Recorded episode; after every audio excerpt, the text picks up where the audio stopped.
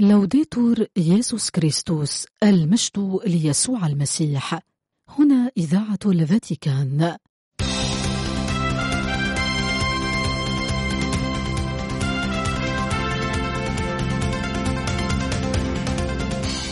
مستمعين الأحباء تحية طيبة من القسم العربي في إذاعة الفاتيكان. ننقل إليكم برنامجنا العربي اليومي حول نشاطات البابا والكرسي الرسولي وأخبار الكنيسة حول العالم. يمكنكم الاستماع إلى برامجنا والاطلاع على آخر الأنباء عبر الإنترنت على الموقع vaticannews.va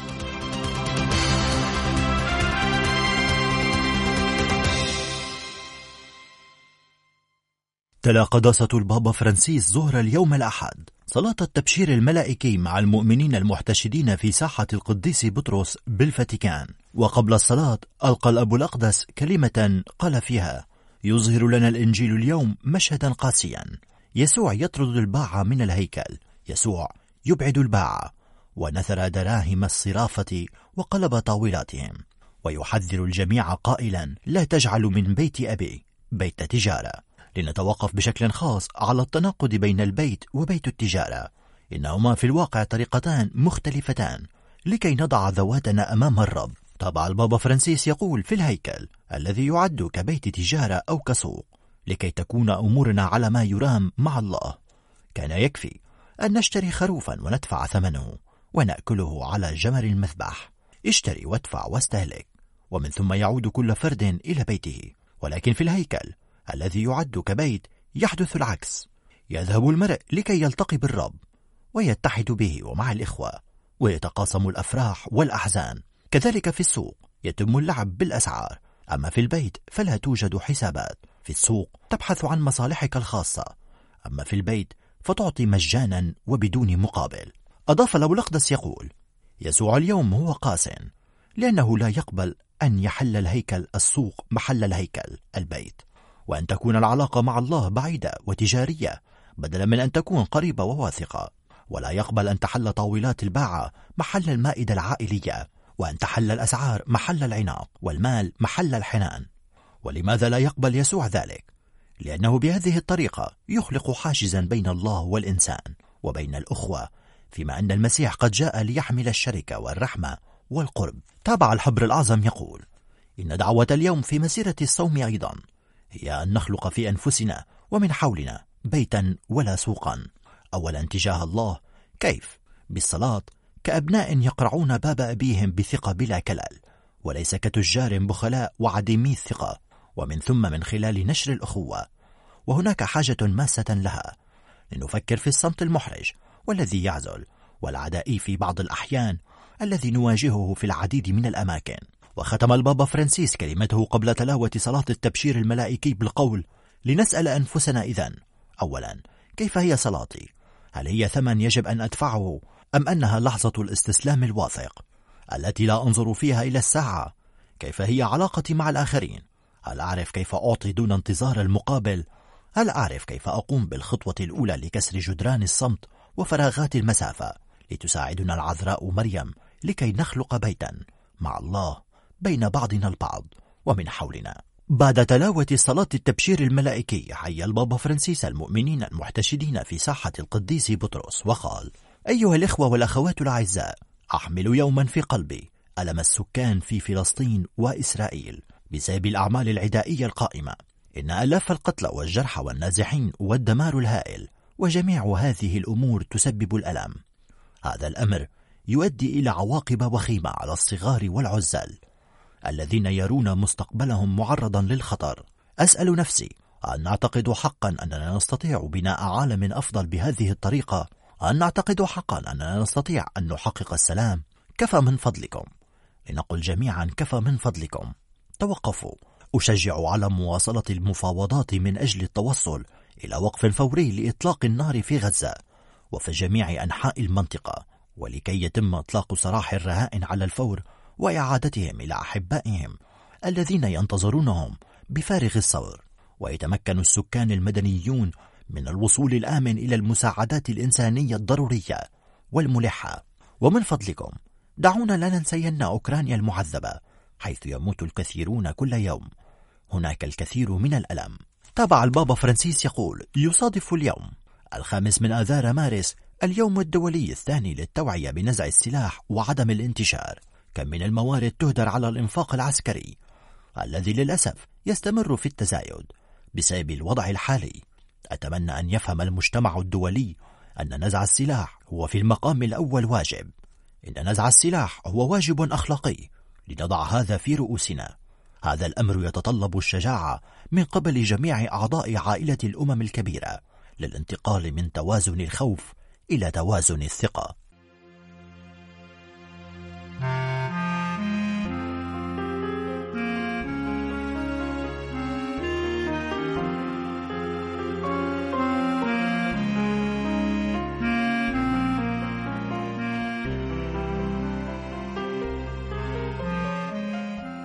من إنجيل ربنا يسوع المسيح للقديس يوحنا. اقترب فسح اليهود فصعد يسوع إلى أورشليم فرأى في الهيكل باعة البقر والغنم والحمام والصيارف جالسين إلى طاولاتهم فصنع مجلدا من حبال وطردهم جميعا من الهيكل مع الغنم والبقر ونثر دراهم الصيارف وقلب طاولاتهم وقال لباعة الحمام ارفعوا هذا من ها هنا ولا تجعلوا من بيت أبي بيت تجارة فتذكر تلاميذه أنه مكتوب الغيرة على بيتك ستأكلني. فأجابه اليهود أي آية ترينا حتى تفعل هذا؟ أجابهم يسوع انقضوا هذا الهيكل أقمه في ثلاثة أيام. فقال اليهود بني هذا الهيكل في ست وأربعين سنة أو أنت تقيمه في ثلاثة أيام أما هو فكان يعني هيكل جسده. فلما قام من بين الأموات تذكر تلاميذه أنه قال ذلك فآمنوا بالكتاب والكلمة التي قالها يسوع. ولما كان في أورشليم مدة عيد الفصح آمن باسمه كثير من الناس لما رأوا الآيات التي أتى بها غير أن يسوع لم يطمئن إليهم لأنه كان يعرفهم كلهم ولا يحتاج إلى من يشهد له على الإنسان فقد كان يعلم ما في الإنسان.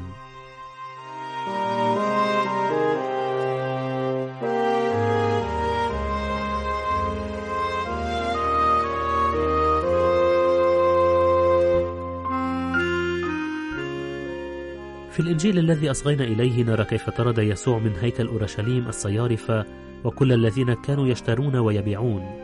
لماذا أقدم يسوع على هذا الموقف بما فيه من قوة واستفزاز؟ فعل ذلك لأن الآب أرسله ليطهر الهيكل لا هيكل الحجر فقط بل على وجه الخصوص هيكل قلوبنا. كما لم يسمح يسوع أن يصير بيت أبيه مكان تجارة هكذا لا يريد أن يصبح قلبنا مساحة اضطراب وفوضى وارتباك. يجب أن يكون القلب نقيا ومنظما وطاهرا. من ماذا؟ من الأكاذيب التي تلوثه ومن الإزدواجية المنافقة التي لدينا جميعا شيء منها. إنها أمراض تؤذي القلب وتلطخ الحياة وتجعلها مزدوجة. نحن بحاجة لأن نتطهر من الأمان الزائف الذي يستبدل الإيمان بالله بالأمور الزائلة وبالمصالح الآنية. نحن كذلك بحاجة لأن نزيل من قلوبنا ومن الكنيسة الطموحات للسلطة والمال المؤذية لتطهر قلوبنا نحتاج أن تتسخ أيدينا. أن نشعر بالمسؤولية ولا نقف مكتوفي الأيدي بينما يعاني إخوتنا وأخواتنا. ولكن كيف ننقي قلبنا؟ لسنا قادرين على ذلك وحدنا. نحن بحاجة إلى يسوع. هو لديه القدرة على أن ينتصر على شرورنا وأن يشفي أمراضنا وأن يرمم هيكل قلبنا. تأكيدا على ذلك ودليلا على سلطانه قال يسوع انقض هذا الهيكل أقمه في ثلاثة أيام.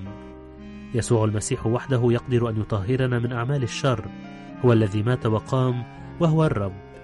أيها الإخوة الأعزاء إن الله لا يتركنا نموت في خطيئتنا. حتى إذا تركناه نحن هو لا يتركنا أبدا لأنفسنا. هو يبحث عنا ويتابعنا حتى يدعونا إلى التوبة ويطهرنا. حي أنا يقول السيد الرب على فم حسقيال النبي. ليس هواي أن يموت الشرير بل أن يرجع عن طريقه فيحيا. إن الله يريدنا أن نخلص وأن نصبح هيكلا حيا لمحبته في الأخوة وفي الخدمة والرحمة. إن يسوع لا يطهرنا من خطايانا فحسب بل يجعلنا شركاء في قدرته وحكمته. ويحررنا من طريقة لفهم الإيمان والعائلة والجماعة تسبب الانفصال والمعارضة والإقصاء. لكي نتمكن من أن نبني كنيسة ومجتمعا منفتحين للجميع. وفيما نهتم بإخوتنا وأخواتنا وبأكثرهم حاجة وفي الوقت عينه يقوينا لكي نعرف أن نقاوم تجربة البحث عن الانتقام الذي يغرقنا في دوامة من عنف متبادل لا ينتهي ويرسلنا بقدرة الروح القدس ليس لكي نبحث عن أتباع لنا بل يرسلنا تلاميذا له حاملي الرسالة رجالا ونساء مدعوين إلى أن نشهد أن في الإنجيل قدرة لتبديل الحياة.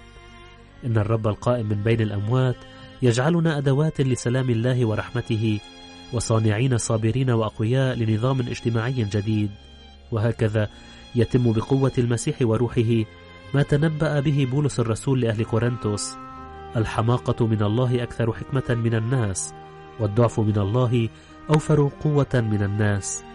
وهكذا تصبح الجماعات المسيحية المكونة من أناس متواضعين بسطاء علامة للملكوت الآتي ملكوت المحبة والعدل والسلام. انقض هذا الهيكل أقمه في ثلاثة أيام. كان يسوع يتكلم عن هيكل جسده وبالتالي عن كنيسته أيضا. وقد وعدنا الرب يسوع أنه يستطيع بقوة قيامته أن يقيمنا نحن أيضا وجماعاتنا من بين الأنقاض التي أحدثها الظلم والانقسام والكراهية. إن الرب يسوع المصلوب والقائم من بين الأموات هو حاضر في وسطنا لنتعلم أن نستقبل حكمته المحررة وأن نجد راحتنا في جراحه والشفاء والقوة لخدمة ملكوته الآتي إلى عالمنا. بجراحه شفينا. في جراحه نجد بلسم حبه الرحيم لأنه هو السامري الرحيم للبشرية. يريد أن يبرئ كل جرح وأن يشفي كل ذكرى أليمة وأن يلهم مستقبل سلام وأخوة.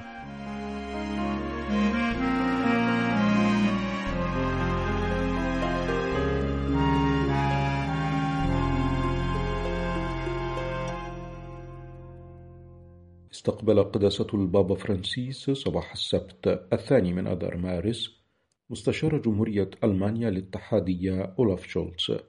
والذي التقى لاحقا أمين سر دولة حاضرة الفاتيكان الكاردينال بيترو بارولين ونائب أمين السر للعلاقات مع الدول المطران ميروسواف باخوفسكي وجاء في بيان لدار الصحافة التابعة للكرسي الرسولي أنه قد تم التعبير خلال المحادثات الودية في أمانة السر عن الرضا إزاء العلاقات الجيدة والتعاون المثمر بين الكرسي الرسولي وألمانيا مع تسليط الضوء على أهمية الإيمان المسيحي في المجتمع الألماني.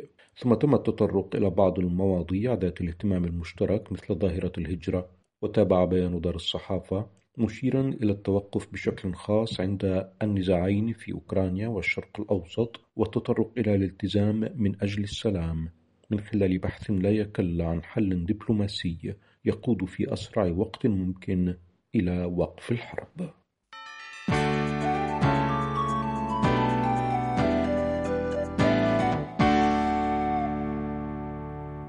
استقبل قداسة البابا فرانسيس بعد ظهر أمس السبت الثاني من أذار مارس أعضاء اللجنة المنظمة لليوم العالمي للأطفال وذلك لمناسبة الرسالة التي وجهها قدسته استعدادا للاحتفال باليوم العالمي الأول للأطفال في الخامس والعشرين والسادس والعشرين من أيار مايو القادم. وذكرت دار الصحافة التابعة للكرسي الرسولي على موقع تليجرام أن الأب الأقدس قد وجه خلال تحيته أعضاء اللجنة كلمات شكر وتوقف عند معاناة الأطفال وذلك حيثما هناك نزاعات وعند تعرضهم للاستغلال. وأعرب البابا فرانسيس عن الرجاء أن يكون اليوم العالمي للأطفال فرصة للوعي بهذه الأمور. هذا وأوضحت دار الصحافة أن وفد اللجنة المنظمة لليوم العالمي كان يرأسه منسقها الأب إنسو فورتوناتو وأمين سر دائرة الثقافة والتربية المطران شيزاري باغاتسي. وشارك في الوفد نائب منسق اللجنة ألدو كانيولي وممثلو بعض الأطراف المشاركة بشكل أكبر في الاستعداد لهذا الحدث والتحضير له. ومن بينها جماعة سانتيجيديو وتعاونية أوكسيليوم الاتحاد الإيطالي لكرة القدم بمشاركة رئيس وفد المنتخب الإيطالي هذا إلى جانب مسؤولي الصحة والرياضة ووفدي مدينة روما ومقاطعة لاتسيو وهيئة السكك الحديدية الإيطالية وأيضا ممثلي المؤسسات المشاركة في تنظيم اليوم العالمي. هذا وتجدر الإشارة إلى تنظيم مؤتمر صحفي بعد ظهر الأمس في استاد روما الأولمبي لتقديم اليوم العالمي الأول للأطفال.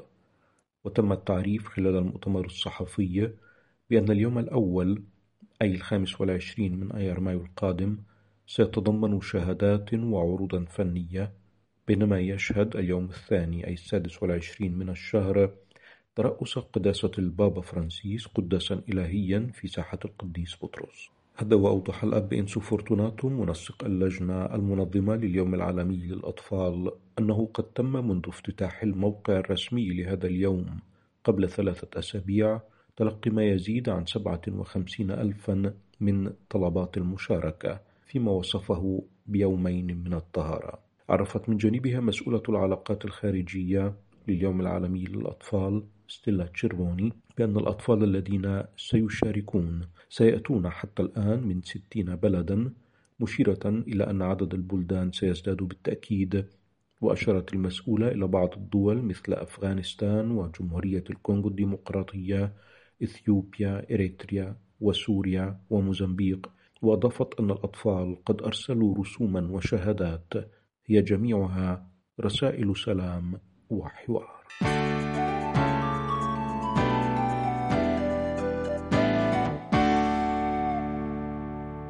في الوضع الدولي الحالي الصعب وفي سياق دولي وصفه البابا منذ فترة طويلة بأنه حرب عالمية ثالثة تشن على أجزاء. نحن مدعوون أولا إلى أن نكون مسيحيين حقيقيين قادرين على أن يسمحوا للروح القدس بأن يقودهم بدون أن يستسلموا لتجربة مقاومته. هذا ما أكده المطران بول ريتشارد جالاجير أمين سر العلاقات مع الدول والمنظمات الدولية خلال القداس الذي ترأسه في كاتدرائية الروح القدس في إسطنبول.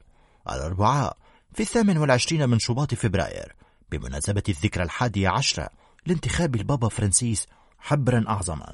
وإذ ذكر المطران جلاجير بالكلمات التي قالها الحبر الأعظم في العاصمة التركية خلال زيارته في تشرين الثاني نوفمبر 2014 قال أمين سر العلاقات مع الدول والمنظمات الدولية إن الروح القدس يقلب خططنا ومشاريعنا ويجعل الكنيسة تتقدم لأن الكنيسة هي الوحدة في التنوع.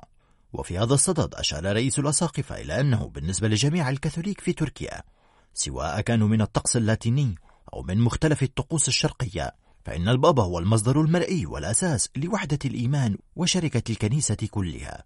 ومن هنا وجه الدعوة للصلاة من أجله. لكي يثبتنا كراع للكنيسة جمعاء في الإيمان والمحبة ويرشد الكنيسة بثقة.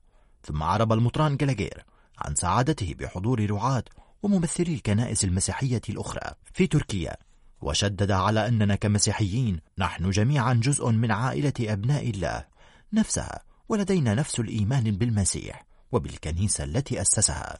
وإذ شجع أمين سر العلاقات مع الدول والمنظمات الدولية على المضي قدما معا ومواصلة الطريق نحو الوحدة الكاملة حث المطران جلاجير على الصلاة لكي يلهم الرب جميع الرعاة المسيحيين لكي يعملوا من أجل حس الجماعة ويتغلبوا أي عقبة قد تعيق المسيرة المسكونية.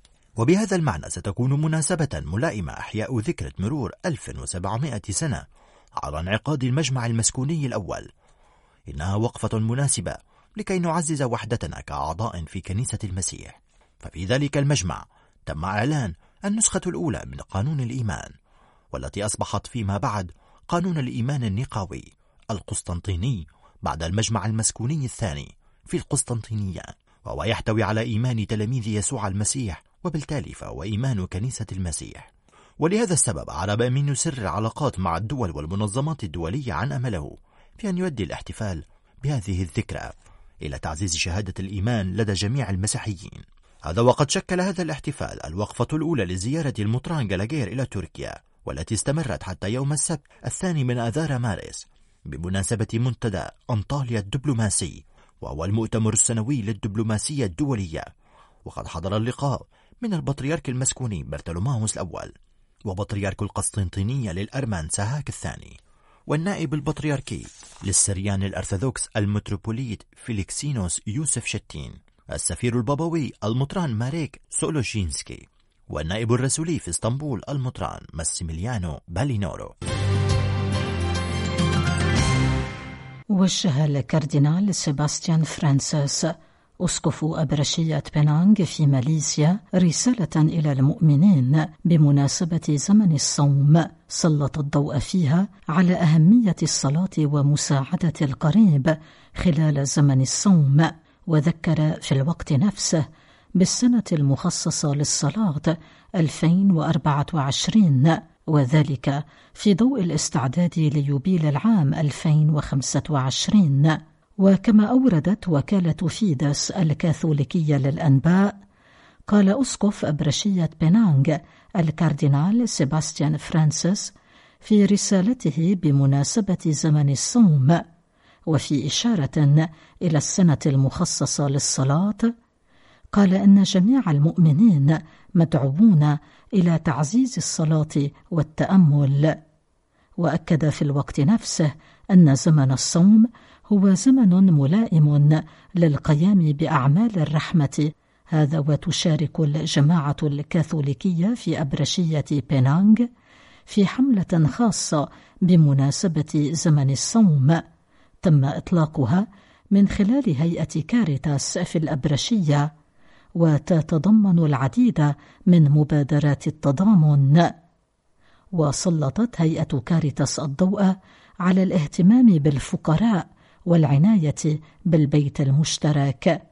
وفي هذا الصدد قال مدير كاريتاس في أبرشية بينانغ الأب يواكيم روبرت إن زمن الصوم هو زمن رائع لنقوم بفحص ضمير ونتشارك مع القريب الخبز والرجاء والفرح. وأشار المطران في زيكيلا إلى أن سنة الصلاة ستكون وقتا مميزا من أجل إعادة اكتشاف قيمة الصلاة والحاجة إلى الصلاة اليومية في الحياة المسيحية.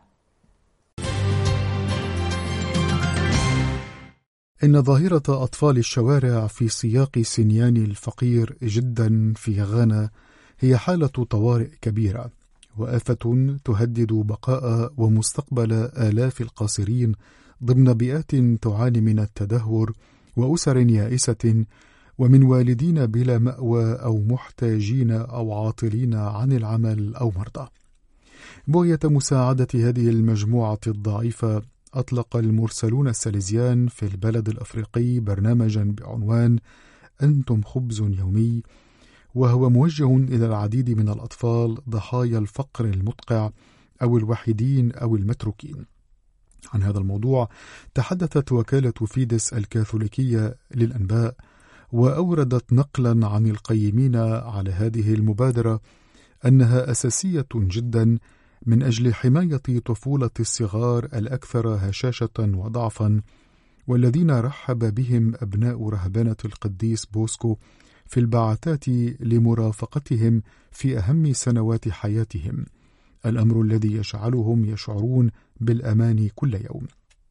تشير الوكالة إلى أن الأشخاص المستفيدين من هذا البرنامج يبلغ عددهم لغاية اليوم 75 طفلا وشابا تتراوح أعمارهم بين خمسة وأربعة عشر عاما وجميعهم يعيشون في المدن والبلدات الكبيرة بالقرب من سينياني في حديث لوكالة فيدس قالت المسؤولة عن هذا المشروع مارتشيلا مانتوفاني التي زارت مؤخرا مركز الساليزيان المحلي. قالت إن كلمة أكعبا التي تعني مرحبا باللغة المحلية رافقت زيارتها إلى بيت فتيان بوسكو أو Bosco Boys Home في سونياني مضيفة أنها وجدت نفسها محاطة بفرح ومودة كل هؤلاء الأطفال والشباب من جميع الأعمار. وكان الجميع على استعداد للتنافس لإظهار حسن الضيافة، وكانوا مستعدين لتقديم ابتسامة ومصافحة وعناق، وكل ذلك حصل أمام أعين الأب تشارلز مدير المركز كما قالت. توضح وكالة الأنباء الكاثوليكية أن بيت الساليزيان في غانا يعتني بالأطفال والشباب الذين يجبرون منذ سن مبكرة على العيش والنمو في الشوارع ويقعون ضحية جميع أشكال العنف وسوء المعاملة والاستغلال في مجال التجارة الصغيرة والبيع في الشوارع بالإضافة إلى الدعارة والاتجار بالمخدرات وسرقة الأسلحة. وإزاء هذا الواقع المؤلم يسعى المرسلون الساليزيان إلى إنقاذهم من هذا الوضع وجعلهم يشعرون بالقبول والمحبة ومنحهم فرصا للحصول على التعليم الذي يحرمهم منه الفقر.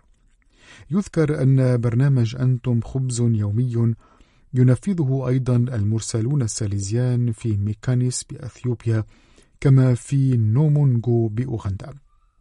مما لا شك فيه أن جهود المرسلين الساليزيان في غانا تندرج في إطار البرنامج الذي تنفذه الكنيسة المحلية لصالح الفقراء وأيضا المهجرين داخليا فضلا عن النازحين القادمين من الدول المجاورة.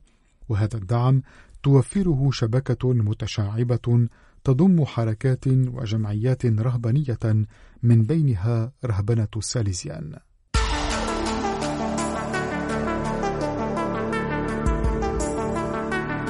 بهذا نأتي إلى ختام نشرتنا الإخبارية. قدمناها لكم من إذاعة الفاتيكان. المجد ليسوع المسيح. لوديتور ييسوس كريستوس